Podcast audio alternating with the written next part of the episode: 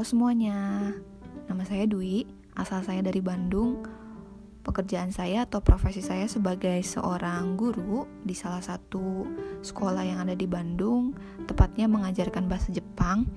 Hobi saya banyak, misalnya dengerin musik, nonton, baca buku, terus dengerin podcast, apa ya banyak deh pokoknya hobi saya. Ini podcast saya semoga kalian suka mendengarkan podcast saya yang kebanyakan mungkin isinya nggak jelas ya. E, pokoknya salam kenal ya dari saya